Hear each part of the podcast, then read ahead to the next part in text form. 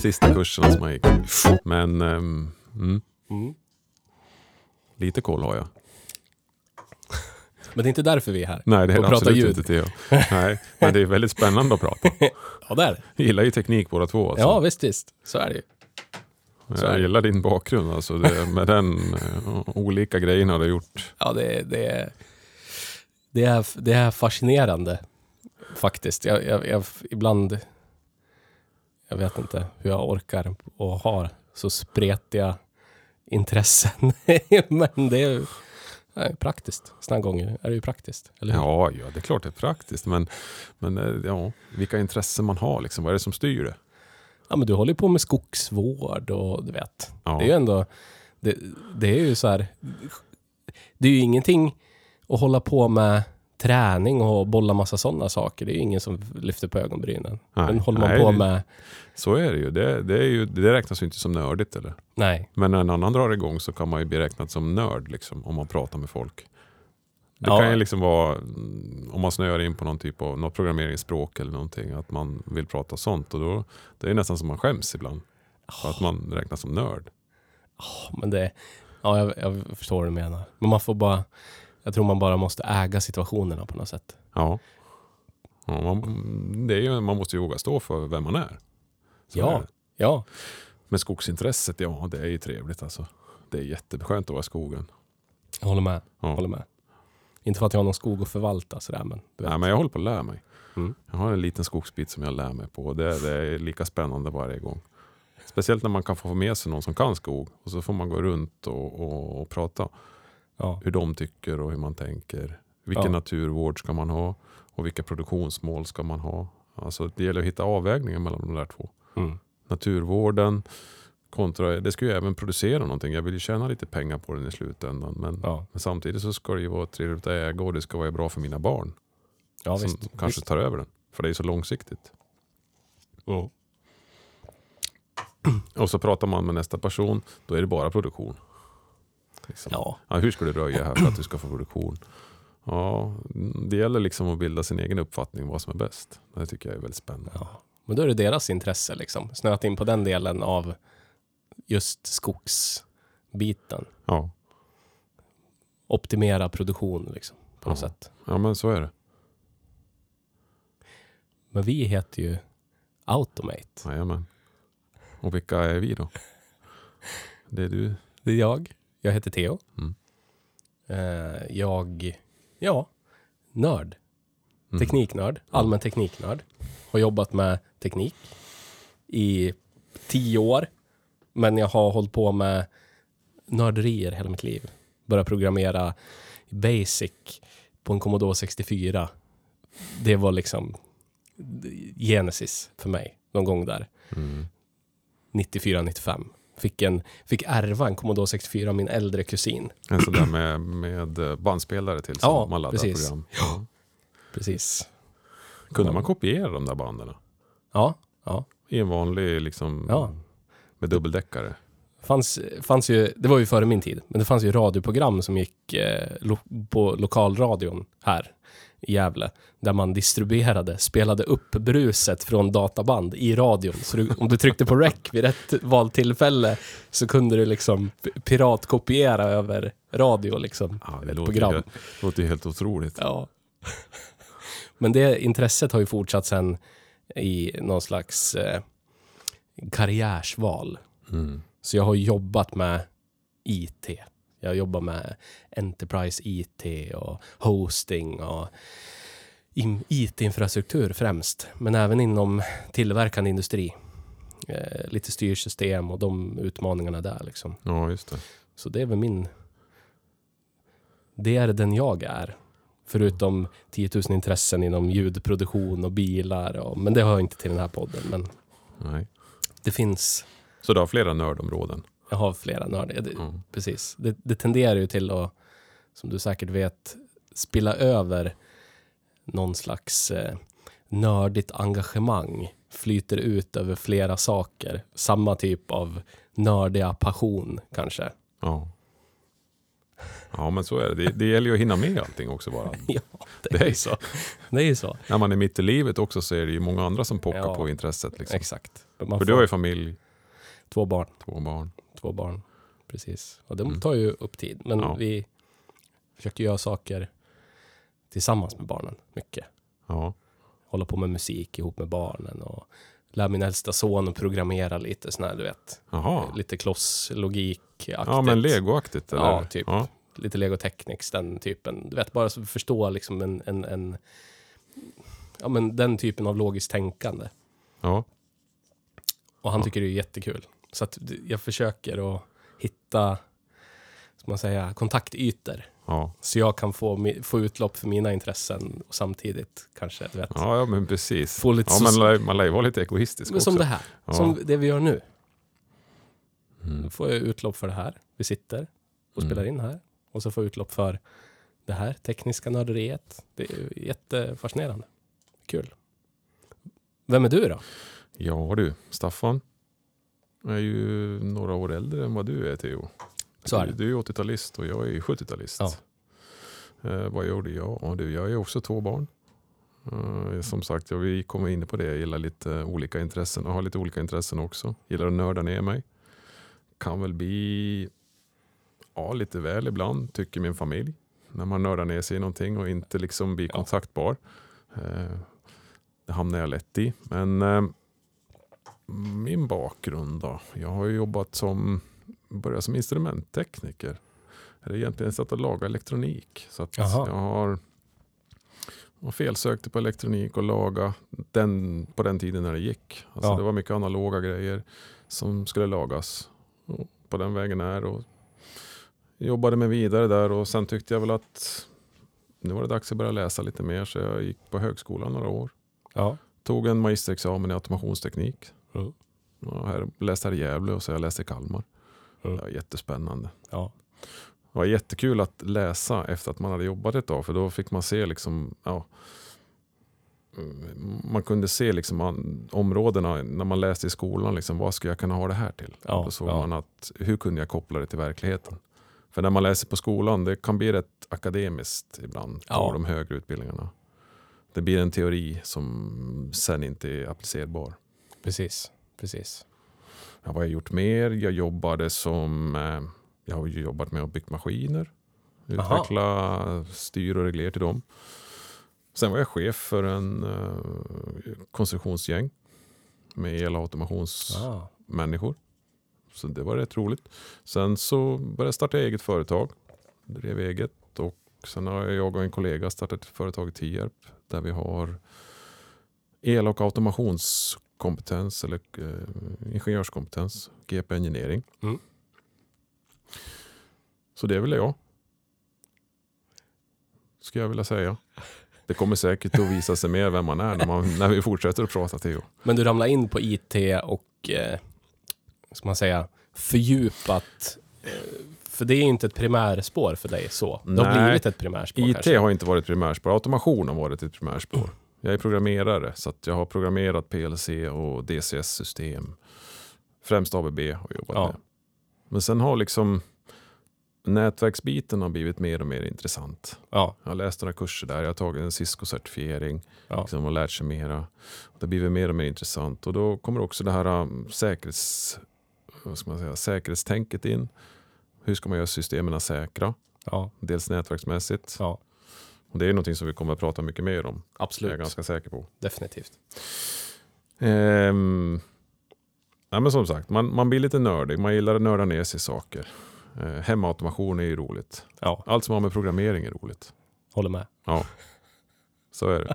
Det är lite tiden som sätter begränsningarna nu känner jag. Ja, ja, ja, ja Mm. visst, visst.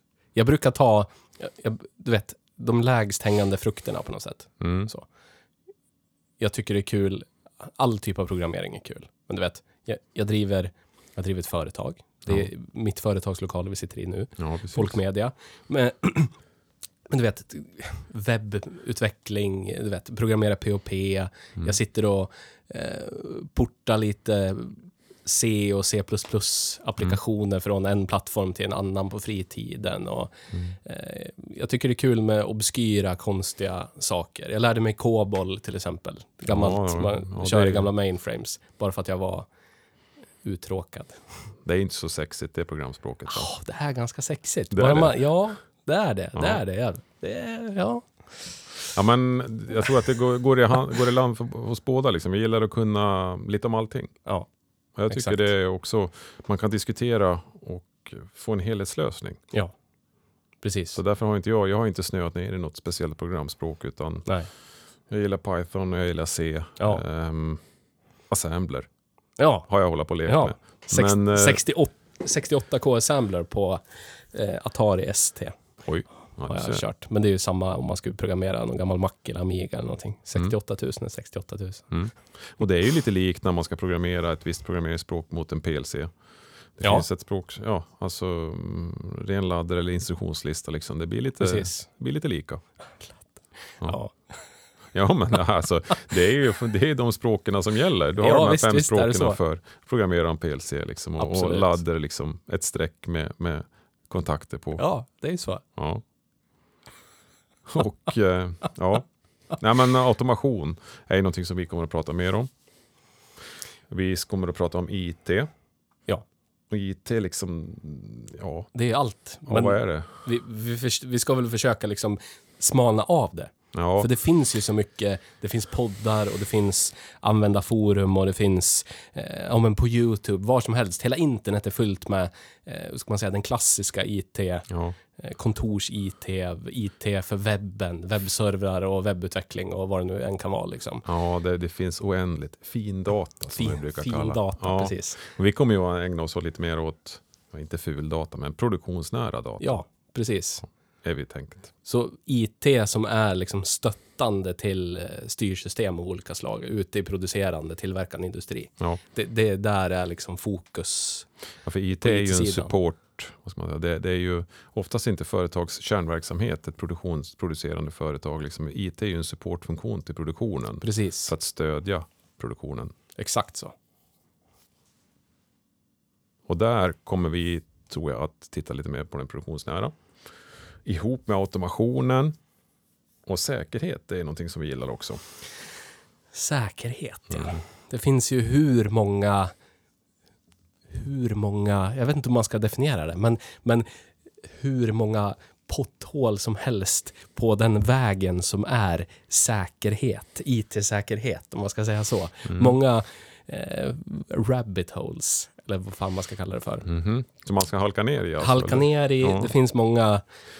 Det, det finns många ämnen inom skrået säkerhet att ta upp. För mig är säkerhet mer att titta på mm, nästan som lite pentesting. Ja, Alltså, det är också någonting som jag gillar. Eh, alltså white hat ja, hacking. Testa ett system och se vilka brister det har.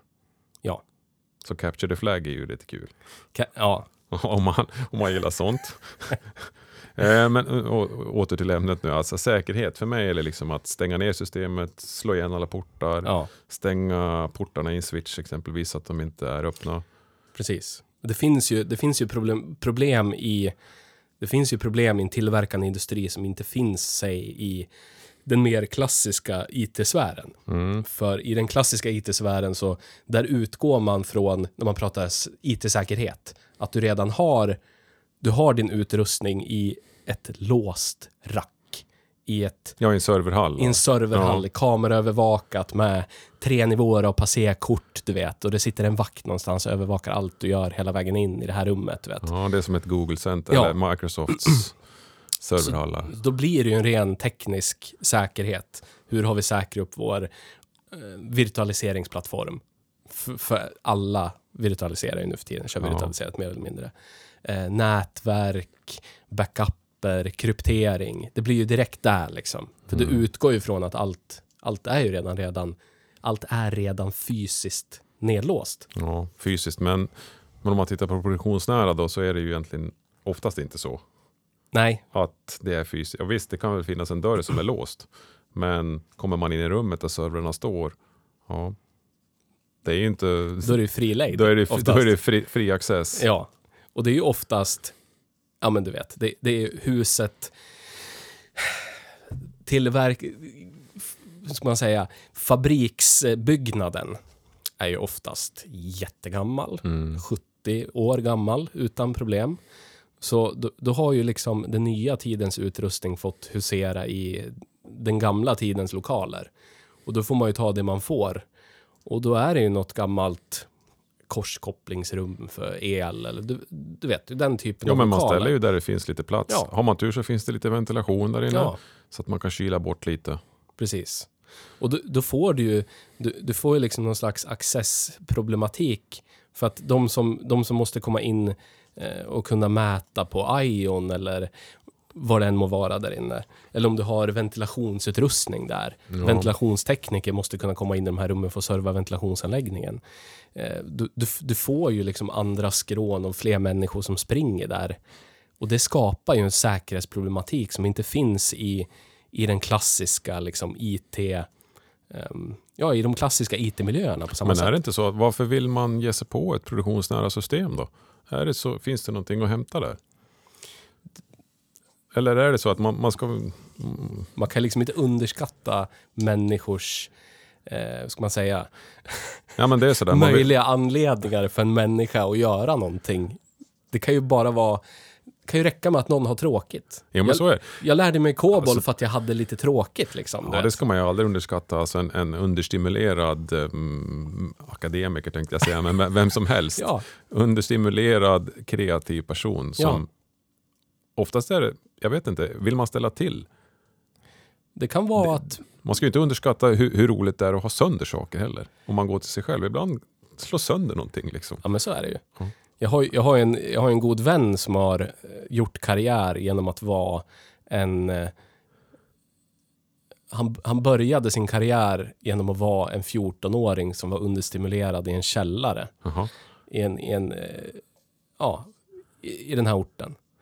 Och, och började gå på öppna system på internet. inom IT alltså? Ja, Eller, inom ja, IT, okej, precis. ja. Han är, han är eh, han är säkerhetskonsult. Han håller på med pentesting nu. Ja. Men det var så han började.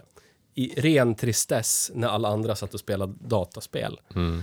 så, så gick han lös på internet. Men är det lite därför vi sitter här och pratar också? Då, för att både du och jag ser att man inte riktigt hänger med och, och tänker på alla sätt, alla, på, alla, på, alla, på alla system som finns Precis. oskyddade. Precis. Så att det, det är ju eh, i diskussioner med, med tillverkande industri av Mm. erfarenhet. Det är mycket eh, man kanske tar för givet att ja, dels att man är säkrare än vad man är Mm. och sen är det just det där, ja men vem skulle vilja göra någonting här? Ja, vad precis. finns det för anledning för att någon skulle vilja gå på det här processavsnittet eller vad vi gör här, Mm. vad det nu Mm. är för någonting. Det är klart, man, man skulle ju kunna tänka sig att ett annat företag som vill stjäla mm, typ recept eller någonting Absolut. i, i, från ett system. Absolut. Och det finns ju finns väl konkreta exempel på att man har gett sig på styrsystem. Alltså Siemens hade ju ett problem.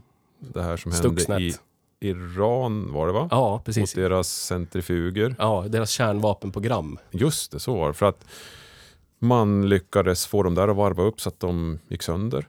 Ja, precis. Och det var Vinci C som råkade ut för det. Exakt. Ja, Så till synes var allting som det skulle i, i WinCC. ja, Men ja, andra precis. styrparametrar skickades till PLC-erna. Så att det var... Det var kom ihåg... Det, Någon slags man in the middle där som, som tog emot det och... Ja, Precis. Det här måste ju varit... Det här var typ 2008, 2009. ja, Jag kommer ihåg nyheterna. Man lyssnar på radion liksom. Ja. Ja, nu är det problem med Irans kärnvapenprogram. Igen! Vad ska de göra? Igen är det problem. Ja, nu är det Mm. ännu mer som går Ja. sönder. ja. Men det var väl amerikanska underrättelsetjänsten till slut? För jag, Ja, vet man det då? Det var väl någon som hade kan- rätt mycket resurser i alla fall för man att utveckla anta, det där. de, de, hade ju, de hade ju lyckats stjäla ett rotcertifikat eh, för att kunna signera, signera mjukvaran utan att det skulle bli några frågetecken. Liksom. Ja, men Så hur, hur fick de in det då? Var det via ett, något USB eller hur fick man in det? Det var väl via en program... Nej, man hade fått in det i... Eh, man, hade man hade fått in det via en officiell Siemens-uppdatering. Jaha, så att det installerades. Så det här var väldigt, väldigt sofistikerat. väldigt sofistikerad mask som, som eh, mer eller mindre eh, infekterade allt, allt den, den kom nära. Mm. Men blev inte aktivt förrän det var rätt version Eh, rätt version av mjukvaran i PLCn. Mm. Eh, ja, jag kommer inte ihåg alla variabler, men det var vä- väldigt, väldigt, väldigt sofistikerat. Ja, är väldigt Gjort. spännande kan jag tycka. Ja, Hur man liksom lyckas med det där. För att om man nu ska få det att varva upp så att om det är någon frekvensomriktare som Ja. ska bestyras upp liksom och sen så att det går sönder av sig själv. ja, Ja, precis. och det, men, men just det här med USB som jag tog upp där liksom. Det, Mm. det är också en liksom, får man ett access till ett system och du kan sticka i ett USB eller någonting. Då, Ja. Då, ja, har du kommit ganska långt. Då får du din första foothold eller du har du otur så om du har internetaccess så kan du få ett, precis. ett skal bakåt. Ja, men tänk dig, ponera bara att du, du, eh, du eh, är en, en ond person, ond organisation som kastar en, en eh, obscen summa pengar på någon som kanske jobbar med lokalvård, är entreprenör på ett fabriksområde, har full access till det mesta. Men, Ja, men, men du, kan jag- röra sig helt obehindrat överallt utan att någon bryr sig särskilt mycket. Ja men absolut, och får man access. Jag vet en händelse där man, en städare kom in i ett ställverk och skulle tända lyset och tryckte på nödstoppen. ja, till Smällde exempel. igen en halv fabrik. Ja. Det är ju ja, någonting liknande. Precis. Så att har du access då, säg till, till rummet där ingenjörsstationerna står för att du ska tömma papperskorgen som står i det rummet. Mm. Och där har du olåst IT-utrustning. Du har eh, ingenjörsstationer som står helt eh, ja, på golvet med USB-portarna helt öppna. Mm. Det är ju inga problem att bara gå och stoppa in någonting liksom. Nej. Och vad det nu är man, man injicerar in i den här maskinen kan ju traversera runt på nätet sen helt obehindrat. Ja precis, nätet kan ju vara skyddat ganska bra med skalskydd utåt så Ja. att man inte kommer in i det. Men har man väl kommit in i det internt, ja, Ja. så är det. Det är ju minsta motståndets lag, Ja. såklart. Så varför skulle vi... Varför skulle jag som eh, hypotetisk möjlig, säg hackare, ond, ondsinnad, varför skulle jag gå på liksom den yttre brandväggen in i ett fabriksnät, säg? Alltså om, är om det, det rätt är frilejd in, in. till... Precis. Ja. Om det är frilejd in till, till industriområdet. Ja. Alltså ta sig igenom brandväggen oftast, där har man ju bra kompetens Ja. eller man köper in en tjänst ifrån någon, någon leverantör som har någon brandvägg som de är jätteduktiga på. Precis. Och där, ja, där ser jag att det är jättesvårt. Då ska man hitta någon, någon, em, någon brist i brandväggen, någon, någon sån här Ja. zero day liksom, som Ja. man har en möjlighet. Men annars är ju de patchas ju på nolltid om det hittas någonting. Ja. Men har du sett den här... em, Det var ju en serie på, på SVT Mhm. med, eh, med hackare som provade att hacka olika typer av verksamheter och sådär. Då lyckades de hacka eh, på uppdrag då. Eh, etiska hackare på uppdrag lyckades hacka, tror jag, jag tror det var Helsingborgs hem. Okej. Och de hävdade att de var supersäkra, där var det du vet, allt i framkant rent tekniskt och så. Ja.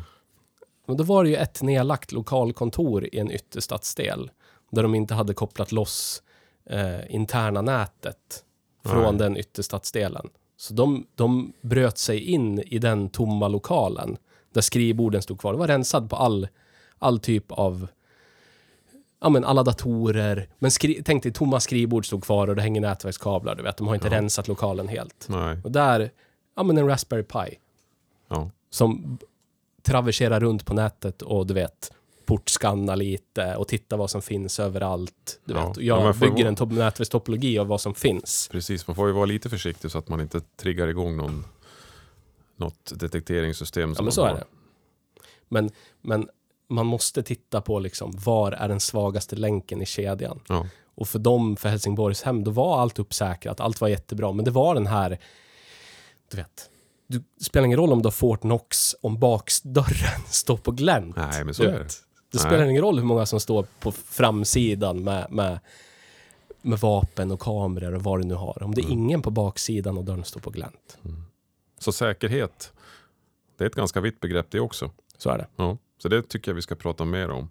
Ja. Vi Det- får nog ägna något litet avsnitt åt säkerhet. ja, och kanske de olika delarna i säkerhet också. definitivt. Definitivt. För att det finns ju, ja men alltså tittar vi på nätet, det finns ju den här Showdown. Ja, Showdown.io eller vad, vad webbadressen är. precis. Den är lite cool. Ja. Jag brukar titta hur många... Ja, det finns folk som lägger upp alltså, Siemens S7-system, alltså Ja. vanliga PLC, rakt upp på nätet. Ja. Och de är ju ganska enkla att detektera genom att titta på en port. Ja. Bara, så, att, så den kan man gå in och kika på. Ja. Där finns det rätt mycket att se. Det är också en sån här sak jag har hört många gånger att, ja men hur, om det finns, ja men säg ponera att det finns en, en, en elak sinnad person som vill, som vill oss illa. Hur får de information? Vad vi har och hur och, och, och du vet. Ja, Det finns, som Shodan, finns öppna, sökbara, fina hemsidor med databaser med saker som, som ligger vidöppna ut på internet. ja. Där allt är spesat vad det är för någonting. Allt Ja, du liksom precis. kan få ut över och, genom att peta på en port. ja Finns precis. där. Men det går ju att få ut rätt mycket. Ja. Man ska ju inte underskatta en map. Nej, nej, Det ska man inte. precis. Eh, Definitivt inte. Mm. Så tänk dig att du, du, är, du är en uttråkad 14-åring i en källare som skolkar för det mesta och sitter Ja. och lär dig miljoner saker per dygn om att hacka. Mm. Har Kali Linux sin VM snurrandes, du vet, och bara tömmer ut det totalt med allt man kan göra. Ja. ja, men man kan komma rätt långt skulle jag vilja påstå. Absolut. Absolut. Och har man riktigt otur så är det någon som också alltså, krypterar och låser, alltså ransomware. Ja, Det är den värsta sortens kan jag tycka. Eh, precis. För det är en sak om man liksom tar sig in och, och tar recept eller ja, på något sätt är och petar. mm. Då, då upprätthåller man ju bara ändå produktionen, men man, man, man, kanske, man kanske distribuerar ut liksom företagshemligheter utan att man vet. Men Ja. vet man inte så vet man inte. Men ransomware, då, då, då har du ingen produktion. Då är det, då är det Nej, över. det är liksom. stendött. Liksom, Ja. så att, och det, råkar man ut för det på ett, ett skadasystem som är, om man ska det, det är ju oftast Windows-baserat. Ja, Och eh, Windows-system, ja det finns rätt mycket svagheter. Eh, produktionsnära system kanske ligger lite efter i patchning. ja, För att man vill säkerställa att allting fungerar och att det inte stör någon komponent eller någon installation. Så att det är oftast ett par veckor efter, det är det. månader. det, är det. Och får man ransomware på ett sådant system då, då är det ju bara att börja om. Ja. Det är ju så. Och det är ju, det är ju du vet, det, hur många... Det, det är ju otroligt mycket människor, säg på ett linjestopp, eller revisionsårsrevision, som rör sig på området Mm. i produktionslokaler. Och du har... kan vi leka med tanken att det finns öppna eh, nätverks, eh, typ RJ45-uttag lite överallt Ja, i det gör det produktionslokalen. garanterat. Ja. Alltså, för, det första, för det mesta så är det ju okonfigurerade switchar. Ja, Som är liksom, det ska vara enkelt att byta dem i resonemanget. ja, Ja, Okej, att man ska kunna byta den mitt i natten. Det är helt okonfigurerad, men då är ju allting öppet också. ja. Så att, ehm, Men ta bara det här liksom som, som med det här fastighetsbolaget då. Att du, eh, någon svetsare inom citationstecken stoppar in någonting dag ett på, på revision mm, och låter den sitta där en vecka, fem dagar under revision och bara traversera runt i nätet. För det har ju, för vad gör vi på ett revisionsstopp i tillverkande industri? Vi är ju inte bara på maskinerna. Vi har ju bygger nya kretsar, vi driftsätter, du vet, det, är ju, jättemycket saker. det händer ju tusen det saker på näten också. Ja. ja, ofta ska ju allting göras då. Det ska ju uppdateras. Har man inte redundanta grejer, ja då måste man ju kanske göra uppdateringen. Man måste stänga igen saker. Ja. Så det är ju mängder med saker som sker. Så om du skulle ha något, om du skulle ha något säkerhetssystem för den digitala säkerheten på ett, säg ett nätverk, Ja. den, den är ju liksom den är ju ur spel på ett revisionsstopp, ett linjestopp Mm. i tillverkande industri. För där är det ju på alla är ju på att göra underhållsarbete ja. där också. Och kopplar in och kopplar ur saker och du vet, bryter spänningen hit och dit. Och det är ju saker som faller bort och kommer till hela tiden. Mm.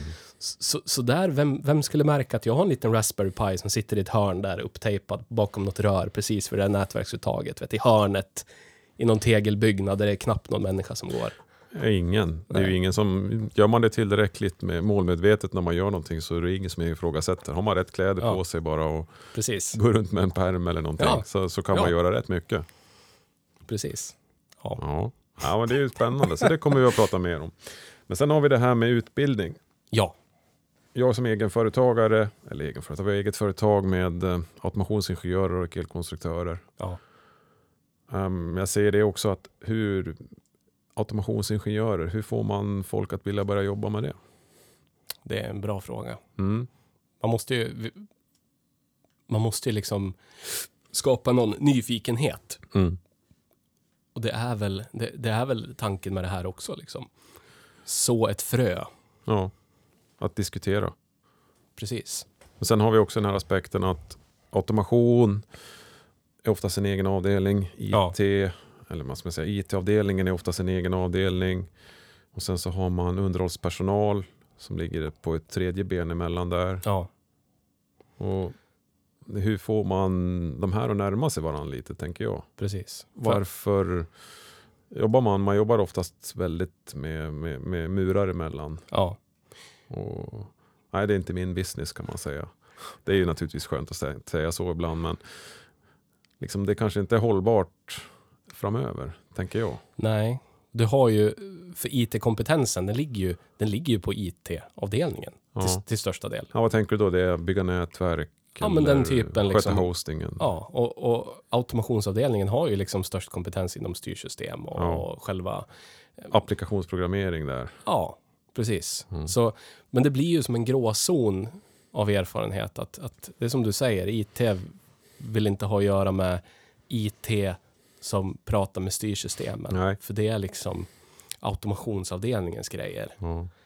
Och automationsavdelningen kanske inte riktigt har kompetens att handha den typen av saker på det, på det sättet. Nej, men oftast hamnar det där och, och då gör man det med det man vet. Så att man bygger ett nätverk på egen hand kanske. Ja, Men det blir inte enligt... Ja, det finns ju bra sätt att, by- finns ju bra sätt att bygga nätverk och, och sämre sätt. så är det. Och IT-avdelningen är oftast bra på att bygga nätverk. Ja, Alltså, ja. Och um, automation är bra liksom på applikationsprogrammeringen. ja Men det behövs ju någon, em, någon brygga däremellan. precis. Och det blir ju med utbildning Ja. så kan de, jag tror inte det, det ligger på ingen av dem liksom att gå hela vägen, utan man måste nog på något sätt mötas. Ja. Ja.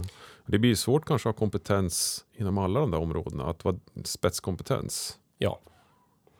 För jag tror, jag tror det ligger, alltså om man är en IT-avdelning på en tillverkande industri, då måste man på något sätt, även om man inte tycker att det är, ligger inom ens eh, åtaganden, så måste man på något sätt få upp kompetensen i vad innebär ett styrsystem Mm. för mig som jobbar med IT. Hur, hur, hur pratar IT-system med, eh, ja, med kontrollutrustning? Liksom? Ja, och sen är det liksom, man måste kanske se på produktionsnära system på lite annorlunda sätt.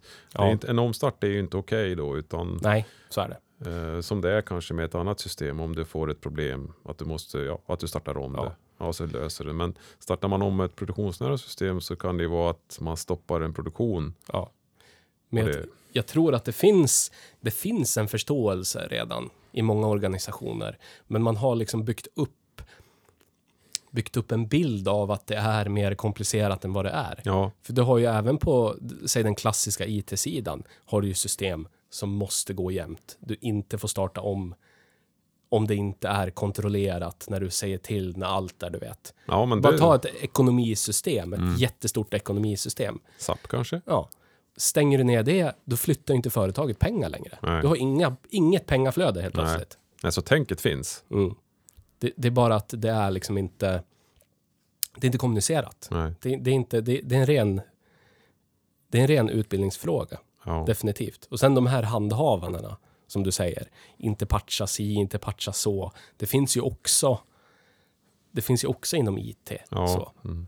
finns ju de extremt konservativa falangerna där. På samma sätt som mot en maskin, du vet. Ja, men jag upplever att ett produktionsnära system, ett SCADA-system, vad det nu var, om det är 800XA eller om det är WinCC eller vad det nu är.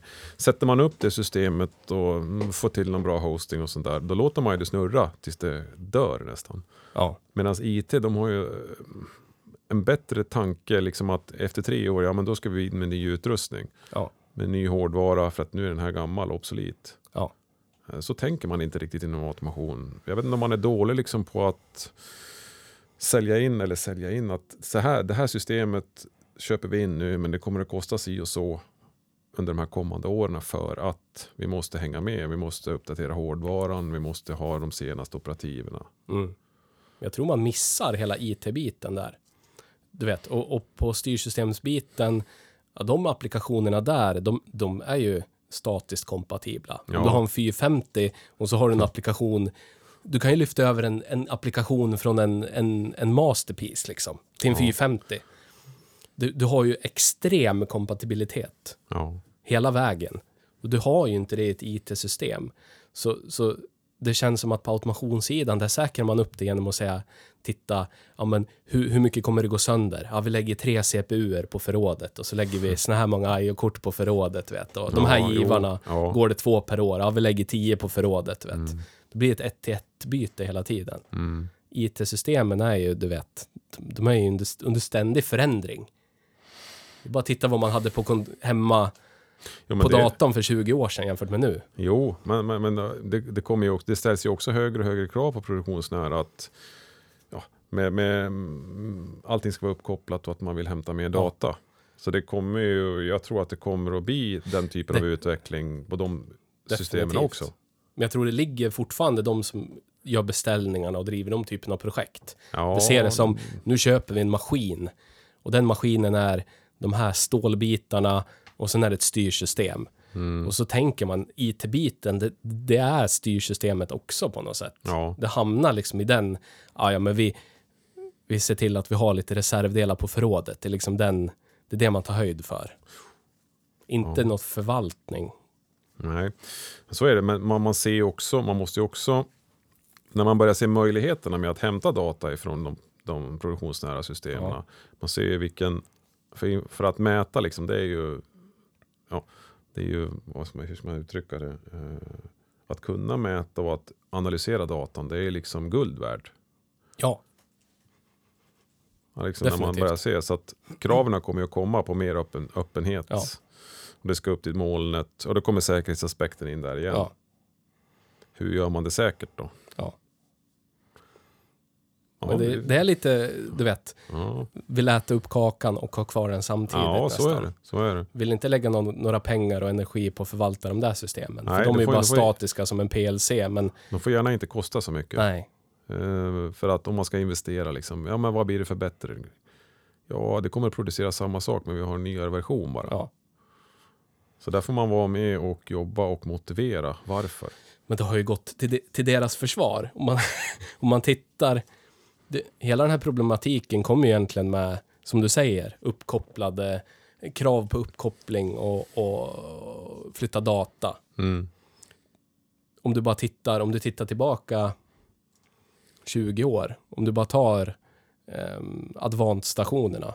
Det var ingen som patchade en, en HPUX eh, PA-risk eh, Advanced-station liksom. Då installerar du upp den med ditt dattband. Ja, ja. Sen var han ju så. ja. Sen är det ju för att Var en disk gick sönder, ja men då får jag väl installera om den med mitt dattband då. Mm. Från 96. Men det är ju ingenting som säger att den är säker bara för att det är en Unix eller Linux. Nej, men man hade inte kravet på uppkoppling. Så att uppkopplingen är till, till styrsystemen snarare än liksom uppåt i topologin. Ja, du menar lyfta datan uppåt? Ja. ja. Det, det, för data, lyfta data uppåt. Om jag tittar på ställen jag har haft anställning på förut, där vi har Mm. flyttat data uppåt. Då, då, då, ja, men då kanske man pulsar ut någonting, du vet. Ja, Okej, det var Sådana på den saker nivån var riktigt, alltså. ja. Mera en live-signal nästan bara, inte nå... Precis. Så ingen, ingen, ingen uh, ethernet-koppling. Nej, ingen, nej, precis. utan du, enkelriktat. ja, du skapar liksom en analog signal och pulsar ut någonting. Eller skickar en eh, 0 till 5 volt eller någonting ut. Ja, 0 Det är till på 5 den milliampere eller något, du vet. 4 till 20. 420, Ja. förlåt, 420 Ja. milliampere. Ja, siffror. Nej, viktigt det där. Ja, Ja, en till Så är det. fem volt. ja, en till 5 volt, Ja. precis. Mm. En till 5 volt Mm. och en 0,20 milliampere ut. För att få någonting ut. Ja, just det. Ja. Ja, det är på den nivån. Ja, eh, Ja, jag tror, det, det finns lite att tänka till på där, men det finns mycket att hämta från de här systemen. Det gör det verkligen. Alltså, det finns så mycket data Ja, som man... Sen är det så här också att samla in data, okej fine. Diskutrymme kostar inte jättemycket. nej, Men sen är det så att vad ska vi göra med datan då? precis. Ska vi analysera den eller vad ska vi ha den till? Ja. Det är också en femma som man behöver, eh, eller eh, någonting som man behöver tänka igenom. Och, och om man sen centraliserar den här datan man inte riktigt vet vad man ska göra med, Mm. så finns det ju ett arkiv av data för någon, någon illasinnad person att gå på. Liksom. Ja men så är det, det. är en Det, aspekt finns ju också. en historia så att man kan se hur man har gjort det i, Ja. i olika processer. Om man Precis. vill. Så Ja. är det. Och det är klart, det är lite som det här med ehm, trojanen eller var det en mask eller vad kallar man den här som gav sig på Irans... En mask. En mask för att den traverserar runt obe, du vet, obehindrat och Mm. ehm, utan att någon såg den Men det är ju väldigt sofistikerat. Man måste ju väldigt, verkligen väldigt veta vad man är ute efter. Oh ja, oh ja. För det är ju så att får du ett, ett om du får tillgång till en databas med data, liksom, du lär ju veta på något sätt hur den är strukturerad Ja. för att kunna analysera den. Precis. Om du inte är väldigt analytisk Så är det. och kan dra slutsatser. Så är det. Absolut. Så det, det, det spelar ju liksom... Det beror ju på vad man har för verksamhet, vad man producerar och till vem och hur. Mm. Men det kan ju vara så simpelt att säga att du är eh, du är land A som ligger i krig med land B Ja, och i Sverige tillver tillverkar vi någonting som är viktigt för land B för att upprätthålla krigsföringen med land A. Så att istället för att kriga direkt med land B så är det mer resurseffektivt att gå på den tillverkande industrin i Sverige för att sänka land Bs tillgång på vad det nu är för någonting de behöver. ja, ja. ja. Du vet, det, det finns många sätt. Det behöver inte vara direkt att vi, vi som land och industri i det här landet är hotade. Det, det kan vara liksom, eh, du vet, någon slags by-proxy-relation ut någonstans, du vet. Vår största kunds kund. De vill vi åt. Så då går vi på källan till vad det nu är för någonting. De behöver väldigt mycket. Ja, det är inte så. Det är inte lätt att se helheten i alla gånger. Nej, Varför? precis. Varför det är som det är. Ja, men det känns som att det här skulle man behöva åka runt och prata lite med någon kanske och höra deras erfarenheter.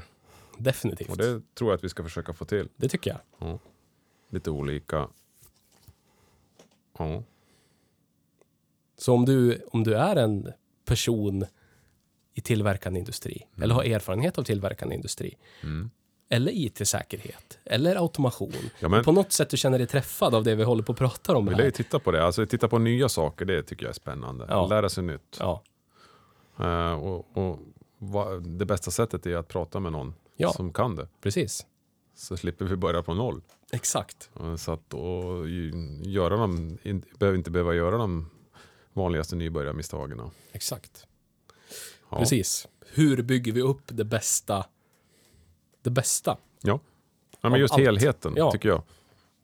Med automation som fokus. Precis. Så hör av er, Mm. ni där ute, Mm.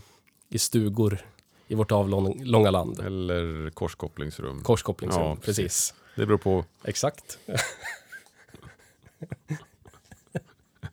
Ja, Ja, Mm. men det var väl avsnitt ett av Automate. automate.se. Så kommer Ja. vi heta. Och vi tänkte också dra igång ett em, forum kopplat till det här. Ja. På något vis. Vi vet inte riktigt exakt hur det ska formas. Nej. Men namnet har vi i alla fall spikat. Ja. Auto-mate.se. Mate.se. Ja. Så jag tänker väl att vi kastar upp ett forum och ni som är intresserade blir medlemmar. Så kan vi fortsätta diskussionen där och vi Mm. Absolut. kan vi formar det till det vi behöver liksom. ja. Vi som användare. Mm. Användare av automationsutrustning och produktionsnära IT-system. ja. Ja. Ja, det här var spännande. Till. Det här blir spännande att se vad det här tar vägen någonstans. ja. Mycket spännande. Mot oändligheten. Ja, det gör det. Ja. Ja, men tack men- för den här gången. Ger oss. Ja. Hej. Tack så mycket. Hej.